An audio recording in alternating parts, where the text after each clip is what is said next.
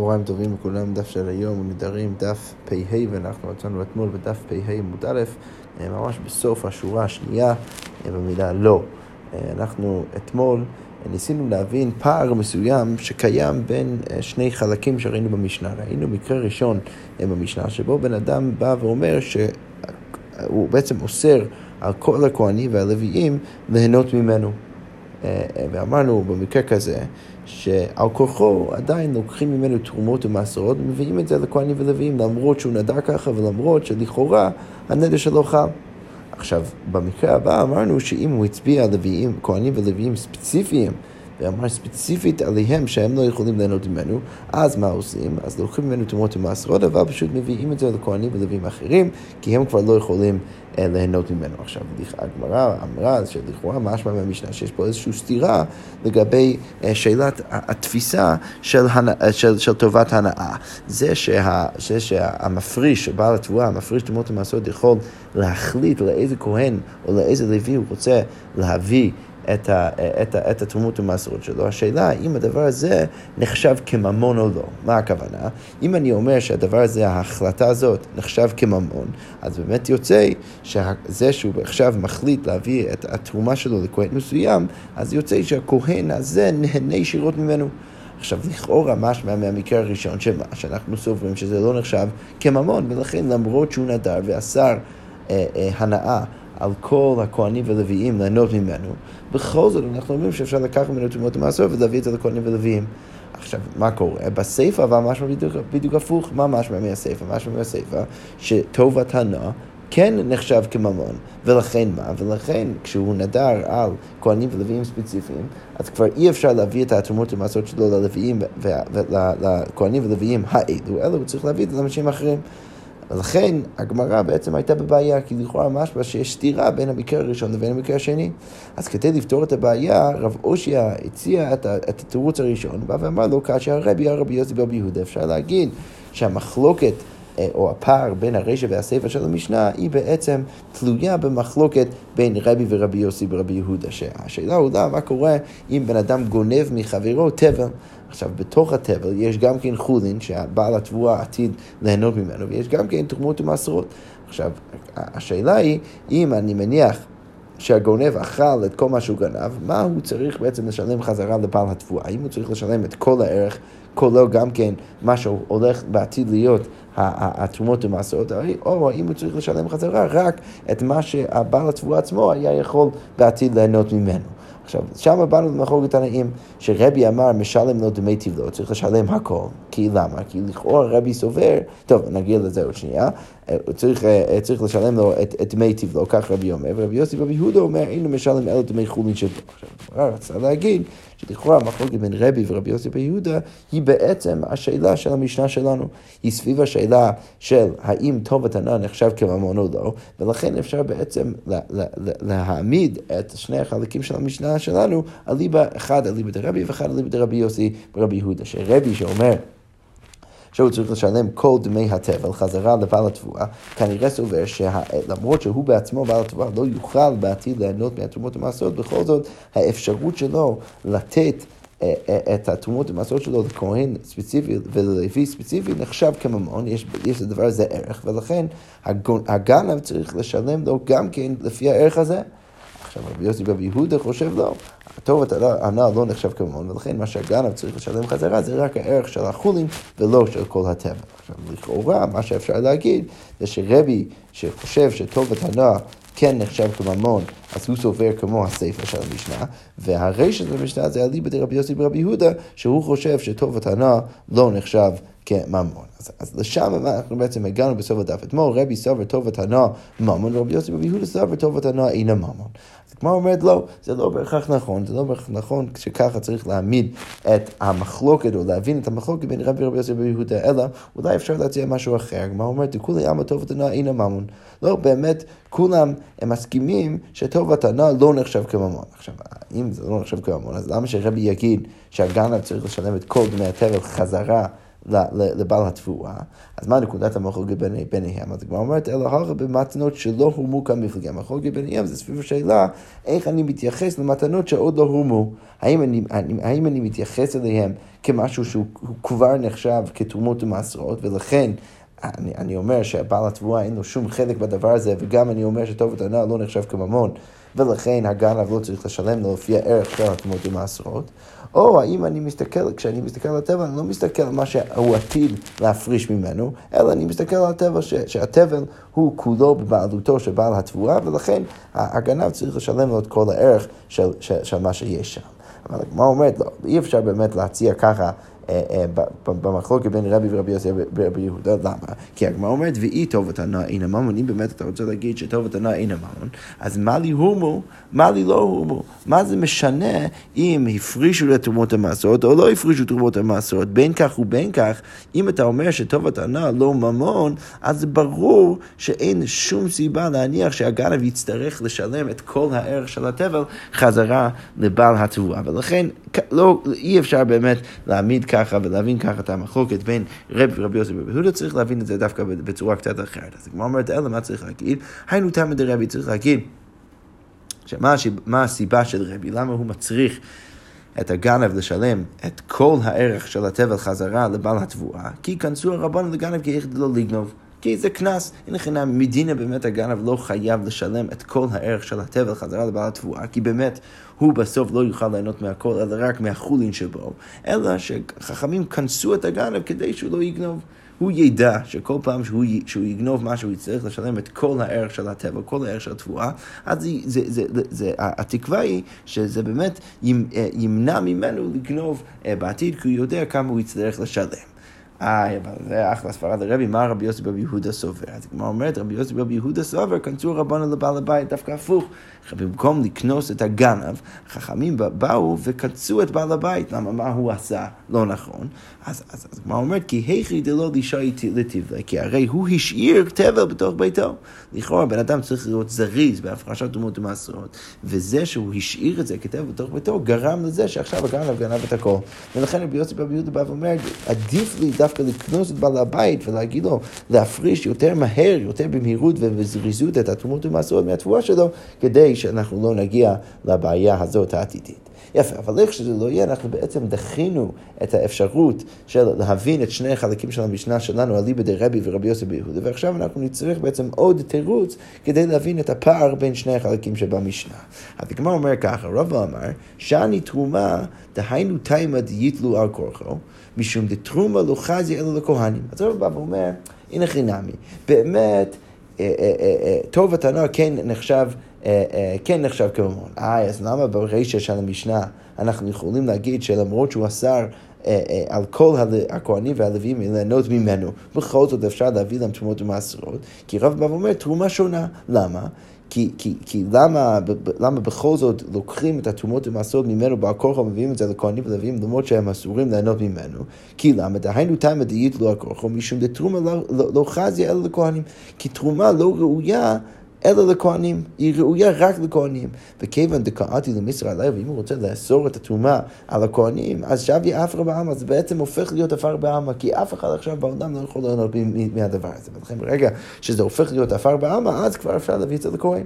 אז יוצא שממה אפשר, או שאפשר להביא את זה לכהן מלכתחילה, או שאי אפשר, אבל אם אי אפשר, אז באמת זה הופך להיות כמו עפר, ולכן אם אתה אז תביא את זה לכהן, אז לא יהיה עם זה בעיה. ולכן רב בא ואומר, יש איזשהו דין מיוחד במשנה שלנו, מאפשר לנו להביא לכהן את, ה, את, ה, את התרומה למרות שאסור לו ליהנות מבעל הנדר, ובכל זאת מביאים לו את הדבר הזה, אבל הנה חינמי שבדרך כלל אנחנו כן אומרים שטובת הנאה זה כן נחשב כמובן, ולכן ברגע שאני מגיע לסיפא ויש אפשרות להביא את התרומות המעשרות למישהו אחר לא, שלא אסור עליו ליהנות מבעל הנדר, אז שם אני כן הולך על האופציה הזאת, כי אני באמת כן מעדיף שהתרומה, שהתרומה והמייסר יגיע לכהן ולוי שלא אסורים ממנו בהנאה, אבל אם אין לי ברירה אחרת, אז אני מביא את זה לכל הכהנים, אה, אה, למרות שהם אסורים ממנו בהנאה.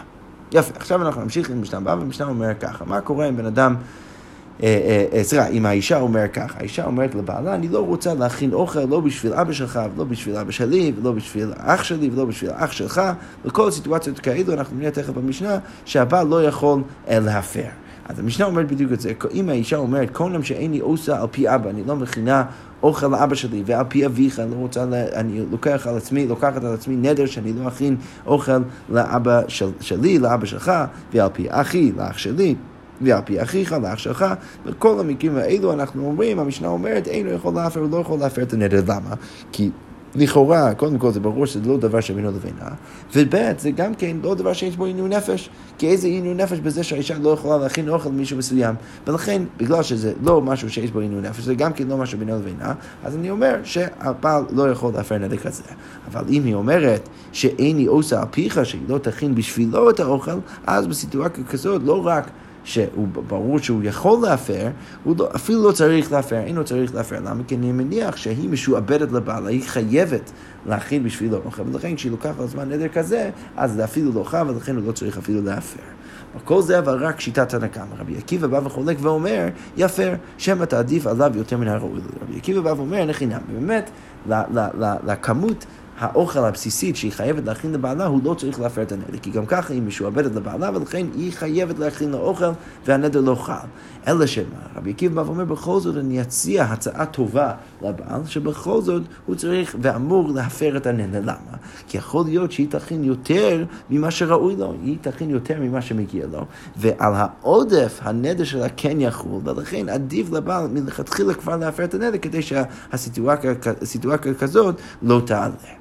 אוקיי, זאת בעצם השיטה השנייה. שיטה שלישית, רבי יוחנן בן נורי אומר, יפר, שם יגרשנו תהיה אסורה עליו. רבי יוחנן בן נורי בא ואומר, הוא צריך להפר, אבל לא מהסברה של רבי עקיבא בגלל העודף, אלא מהסברה שאם הוא יגרש אותה, אז הנדר יחול, כי כבר, כי, כי, כי, כי, כי לכאורה הוא מניח שהנדר לא חל רק בגלל שהיא משועבדת לבעלה, וברגע שהוא מגרש אותה, אז כבר היא לא משועבדת ולכן הנדר חל, ואז אם הוא יגרש אותה, הוא תהי אסורה עליו, אז היא באמת תהיה אסורה עליו, וכדי להימנע מסיטואציה כזאת, רבי יוחנן בן נורי מציע לבעל להפר את הנדר.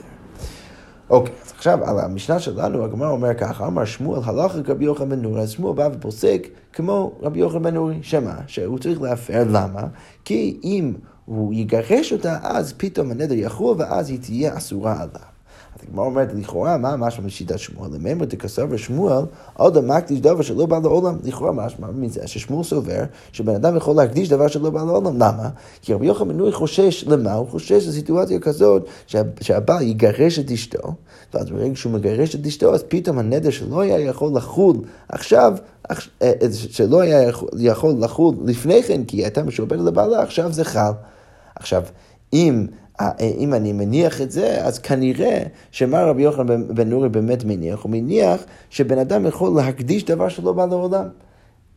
ולכן, באיזה, באיזה מובן הוא אומר את זה? לכן הוא אומר שהבעל צריך להפר את הנדר, כי אילולי הפרת הנדר של הבעל, של הבעל, ברגע שהוא מגרש את אשתו, אז פתאום הנדר יחול ברגע, אה, אבל רק בעתיד.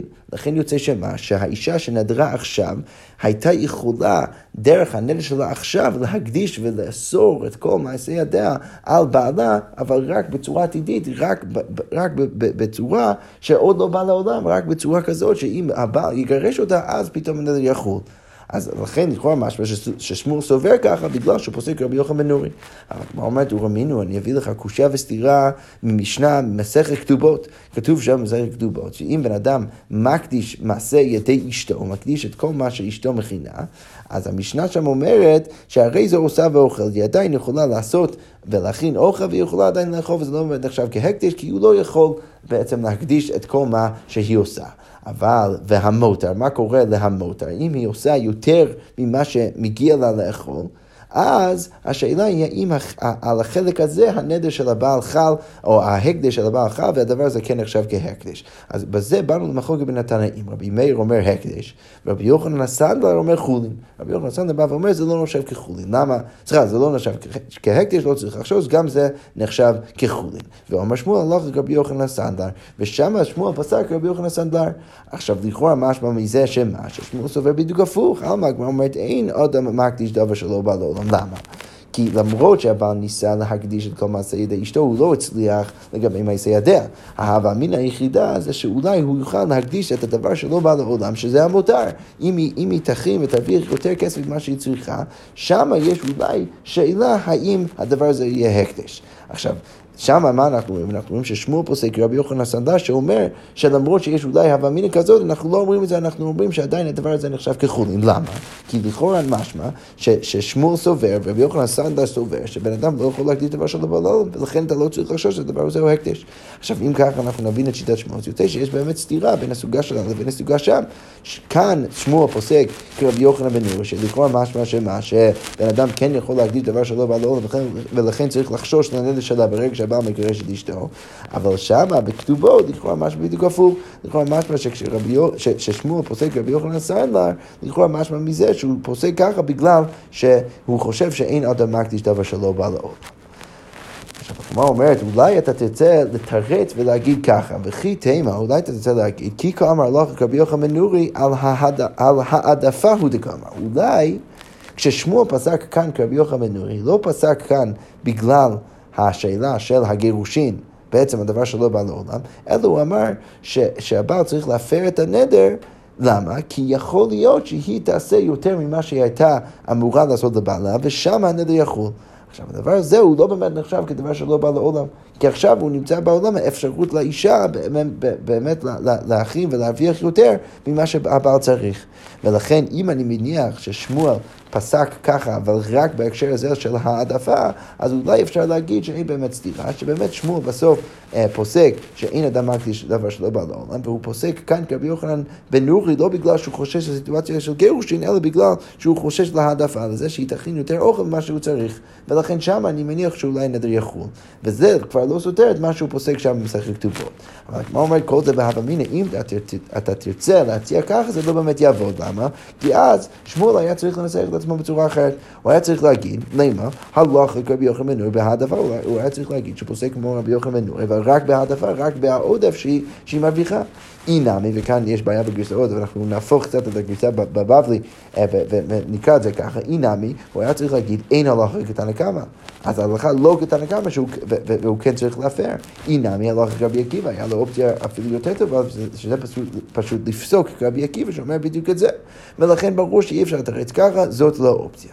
אלא הגמרא אומרת, אמר רב יוסף, שאני קונמות, הוי ואדם אוסר פירוט חברו עליו, אוסר נמי דבר שלא בא לעולם. אז עכשיו תירוץ שני, הגמרא אומרת, רב יוסף בא ואומר, אתה צודק שיש פה פער, אלא שמה, הפער, אני יכול בעצם להצדיק את הפער על ידי זה שאני בא ואומר שקונמות, סלש העולם של נדרים הוא שונה. למה הוא שונה?